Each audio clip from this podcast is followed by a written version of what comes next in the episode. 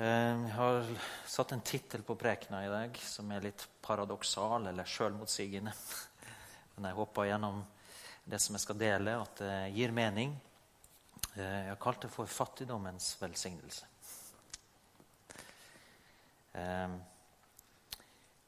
når Jesus annonserte sitt oppdrag og sin tjeneste, så sa han Herrens ånd er over meg, for han har salvet meg til å forkynne et godt budskap for fattige.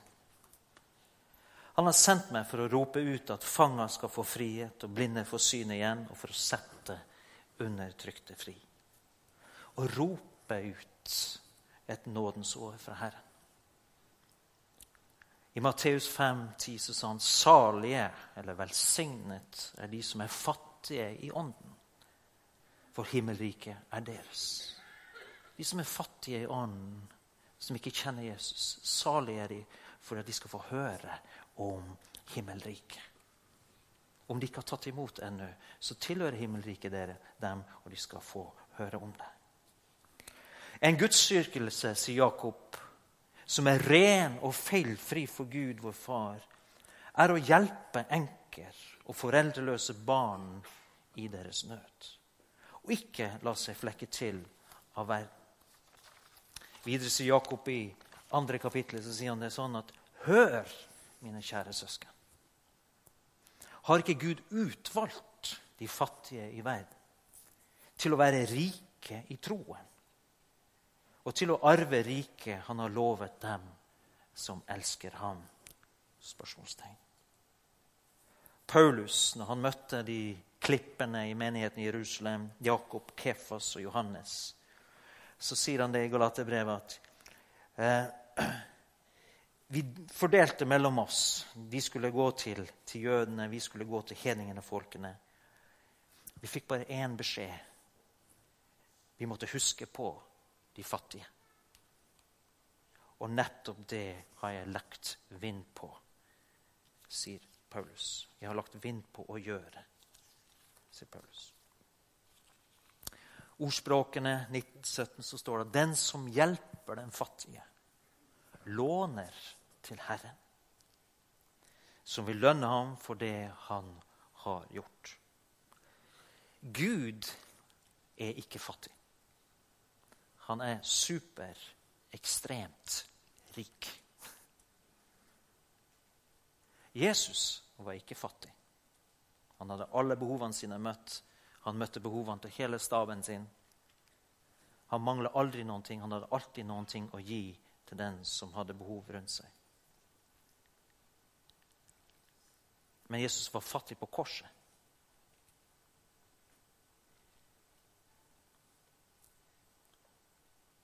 for meg og deg. Fattigdom i alle former er i utgangspunktet en forbannelse. Det er imot Guds natur. Fysisk, psykisk, sosial, motivasjonsmessig fattigdom er mot Guds natur.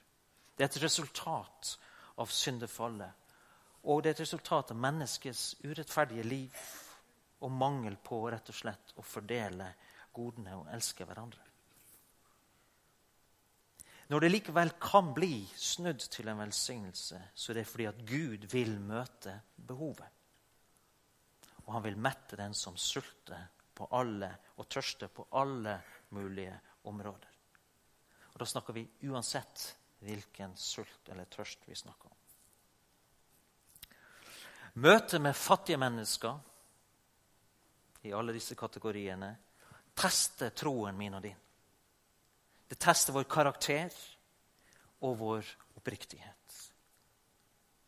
Gud i sin natur møter behov. Vi i den nye naturen er kalt til å møte behov. Gud gjorde godt mot alle, til og med mot de onde, sier Bibelen. Lar han det regne over dem. Vi gjør godt mot alle. Dersom vi som Guds folk gjør godt mot de fattige, så er det noe forunderlig som skjer. Det motiverer også velstående og rike mennesker til å handle. Mange vil gjerne bidra. De vil bare ikke gi til noe korrupte greier. Men har, mange mennesker har et hjerte for de fattige. Det var nettopp en som ga 100 000 til eh, Vi skal bygge noen nye klasserom og fullføre på en måte denne i India. Så var det en, en velstående mann som ga 100 000. Eh, bare sånn fordi at han tror på det vi holder på med. Og han har mye mer å gi. Men han tester oss. Ja, se hvor dere klarer med dette her. Så, så det, er, det er mye godt folk der ute som vil gjøre ting. Men det, akkurat, det kommer når vi handler på det lille vi har. Hvis vi gjør noe reelt for de fattige, så tiltrekker det seg Guds velsignelse og menneskers oppmerksomhet. Og Så står det i Jesajas 58, vers 6-11, skal vi gå igjennom. Og Da sier forfatteren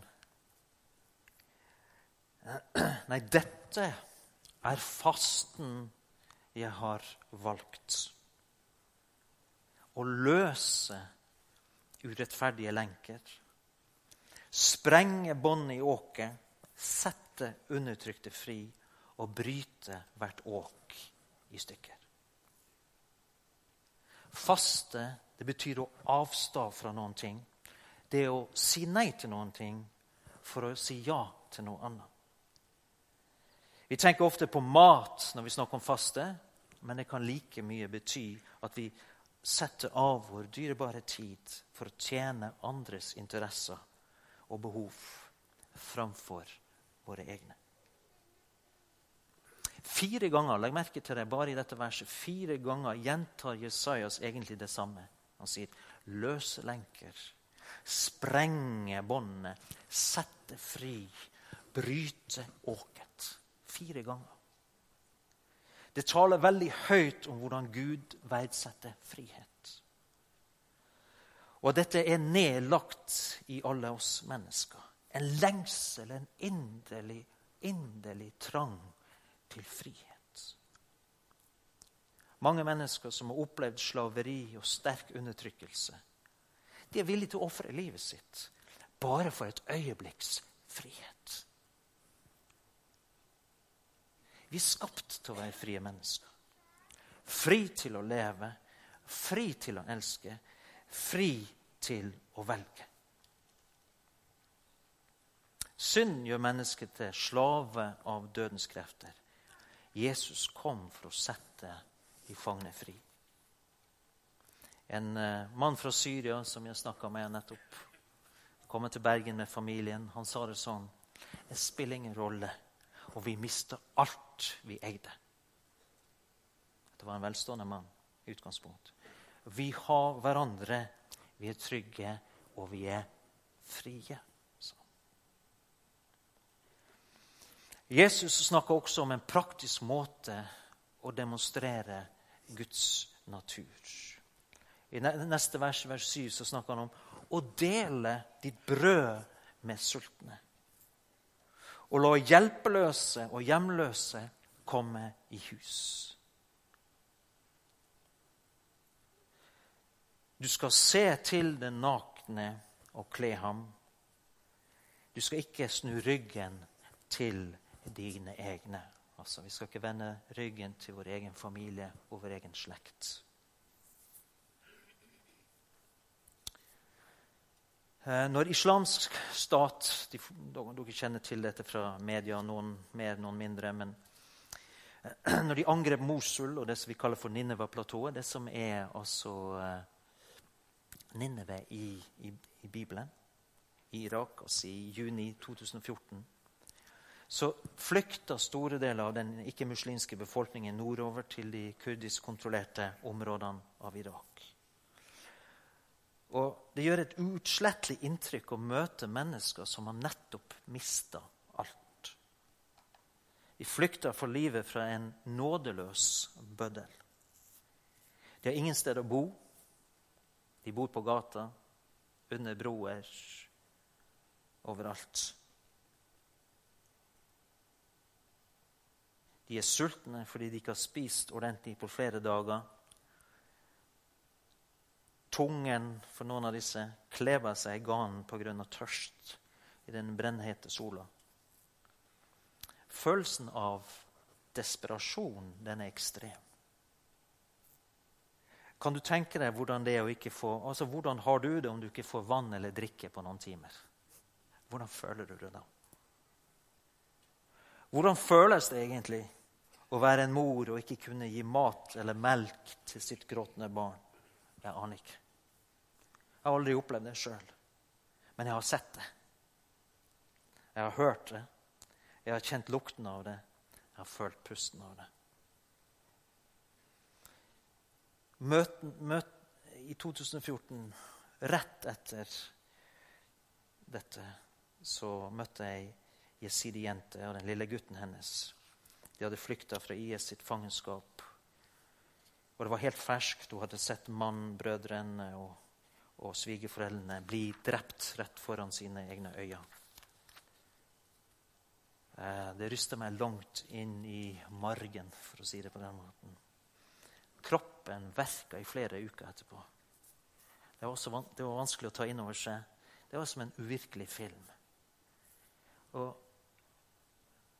det, er på en måte Jeg vet ikke. Det, akkurat som det, det hjelper liksom ikke å felle en tåre. Eh, bønn hjelper, men så er det det, det det, må bare handling til. Whatever you can do, you must do. Og midt i dette her så sier Jesus at den som tar imot et, et slikt lite barn i mitt navn, tar imot meg. Ser du den lille gutten her? Han, han, fant vi Dette var i februar i år. Han fant vi utenfor Raqqa i Syria. Eh, dette var ca. tre, tre og en halv måned etter at om Raqqa, som var hovedsetet til IS, da var fri, frigjort, eller var drevet ut av byen.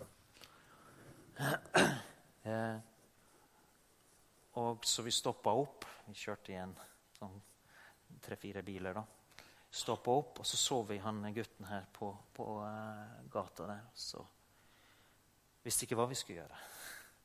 Men jeg bare tenkte inni meg uh, Er dette Jesus? altså Er du her, Jesus? For dette er, dette er grusomt. Uh, så vi vaska, vaska han, noen som stelte noen sår han hadde. Han var veldig tørst, så han bare drakk og drakk og drakk.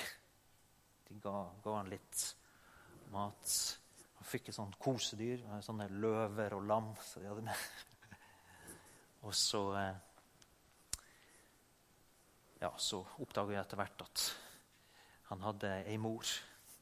Eh, hun var i filler, men vi ga henne litt penger. da. Det var ikke så mye mer vi kunne gjøre der og da. Men jeg så inn i øynene så tenkte jeg det du gjør mot en av mine minste, sa Jesus, det gjør du mot meg.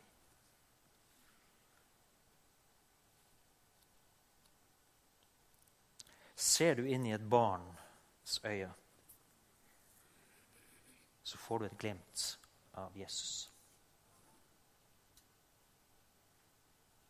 Ingen av oss klarer å ta inn over seg all nøden som vi møter, og alle behov som er der. Men hvis du ser ett barn i Jesu navn, så sier Jesus at du gjør det mot han. Da ser du han. Og Hva er det som skjer? Hvilke løfter fins det i Bibelen? Jesaja som fortsetter, samme kapittel, vers 8.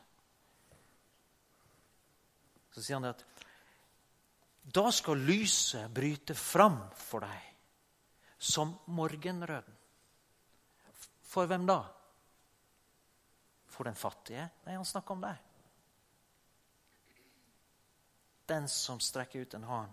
Han sier det. For deg skal lyset bryte fram. Akkurat som at mola, eh, sola står opp på morgenen. Det er, en, det er en prosess. Det blir lysere og lysere.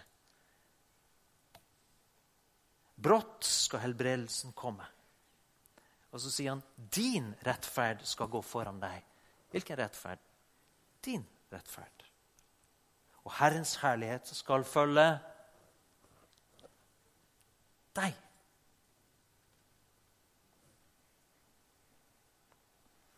Da skal du kalle, og Herren skal svare. Husk, dette, Disse løftene kom etter at han sa hvis du gir mat til den som sulter, klær til den som ikke har klær, husrom til den som ikke har husrom, og tar hånd om dine egne, ikke vender seg bort fra dem. Da skal du kalle, og Herren skal svare. Du skal rope, og han skal si, 'Her er jeg.'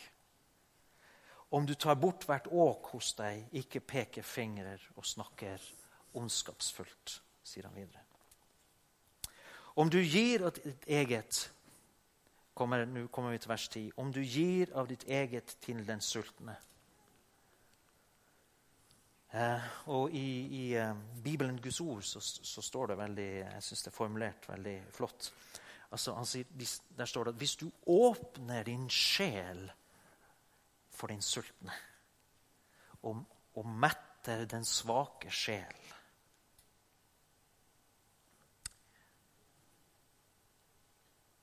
og selv metter den som lider nød.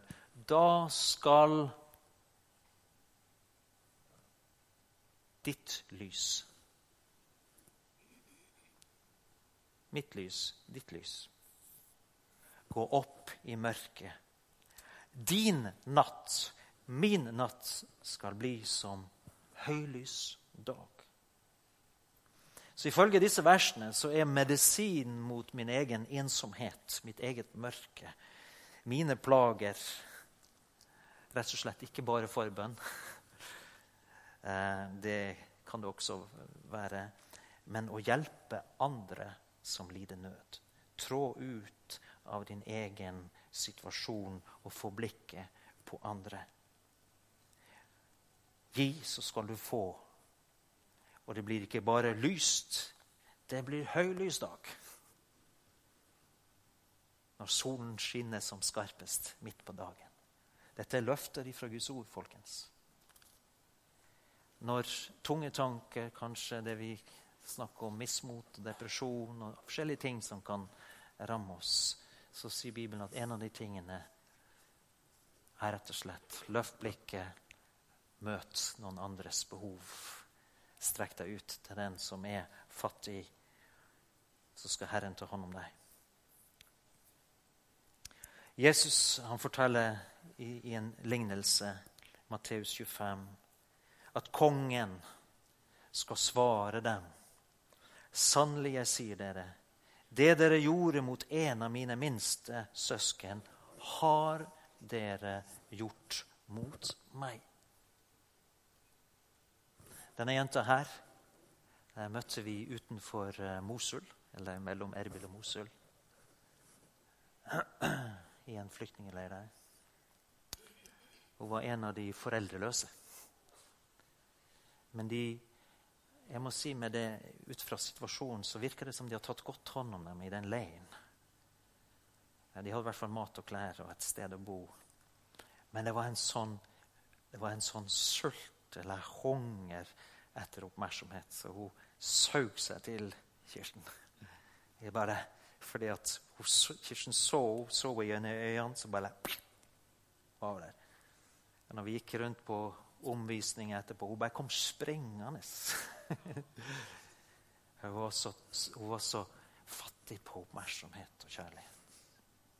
Men ser du inn i øynene til et barn Det du gjør mot hva var det han sa her? Det dere gjorde altså i fortiden, eller det dere gjør mot en av mine minste søsken, har dere gjort mot meg, sier Jesus.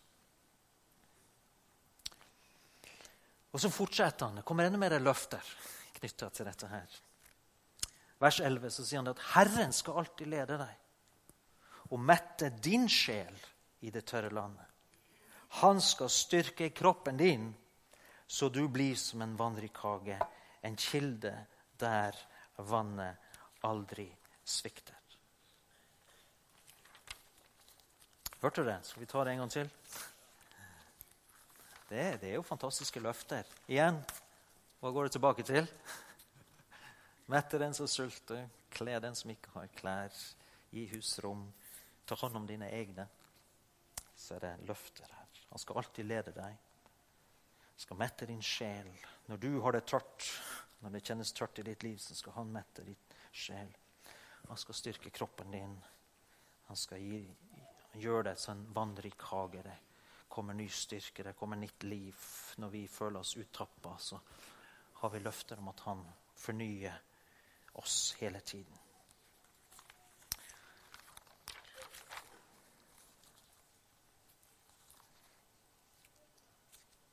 Eh, vel, hva skal vi gjøre nå? Nå er vi i Norge, vi er i Bergen. Vi er i 2018, vi nærmer oss 2019.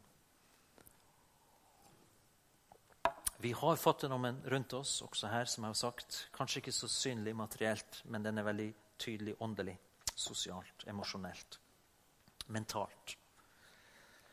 Du kan se det hos barn, du kan se det hos voksne, du kan se det hos ungdommer. Den norske stat kan hjelpe mennesker med sosialhjelp og trygd og alt dette her. Men den norske stat kan aldri, et Nav-kontor kan aldri fylle hjerter og sinn med ekte glede, ekte fred og en opplevelse av å være verdifull for Gud og for mennesker.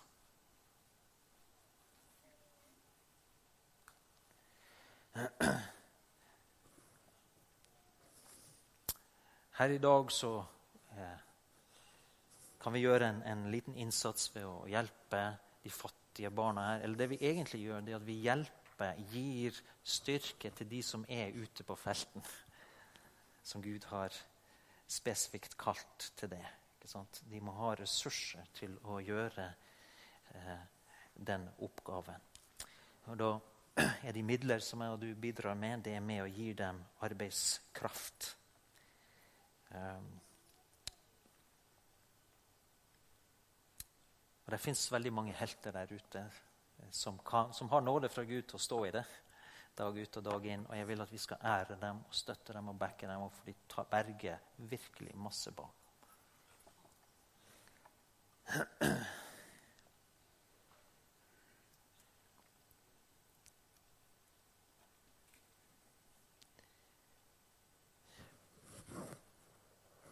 kan vi Så en vei til frihet, ut ifra det vi har lest og snakka om her, er rett og slett å praktisere det Guds ord sier. Komme oss ut av sjølmedlidenheten og begrensningene og se på alt vi føler vi mangler eller skulle hatt eller burde hatt, og så heller ta det lille vi har. Amen. Og et få blikket på barna, få se dem i øynene. Møt der det er fattigdom, så møter du det. Men så bruker Gud det, gjennom det. Jeg har lyst til at vi skal, før vi bare gir litt sånn eh, eh, veiledning eller input her etterpå, så kan vi ha sunget den siste sangen. Den er flott dere har oversatt den til norsk. Og der står det også om fri fra frykt. Altså frihet, eh, som vi har vært inne på. det her. Altså Denne enorme frihetstrangen. Og den ligger, den er, friheten er først og fremst i Gud. Og den, den, friheten som Gud gjør gir oss, er sånn at den også setter oss fri til å eh,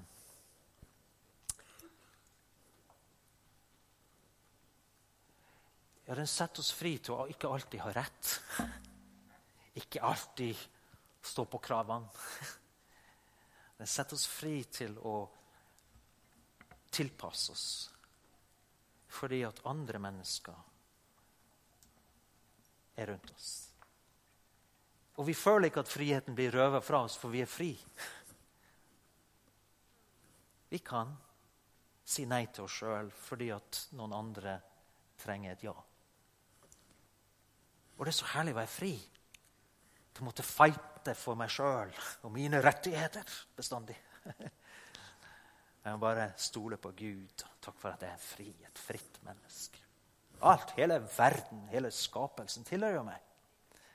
Hva er det jeg som er opp som for? fordi at Nav-kontoret ikke ga meg det jeg skal ha. Nå skal du nå har du rett på det etter norsk lov, men ikke, ikke la sinnet og følelsene koke helt vilt pga. det. Du er fri. Amen. Så skal Gud ordne tingene for deg. Og Før vi synger, denne sangen, så mens vi ba her for møtet, så opplevde jeg at jeg fikk et ord fra Gud til noen av dere. Så det er nesten så jeg kan si 'Så sier Herren'. Jeg sier det ikke, men jeg sier det nesten så jeg kan si det.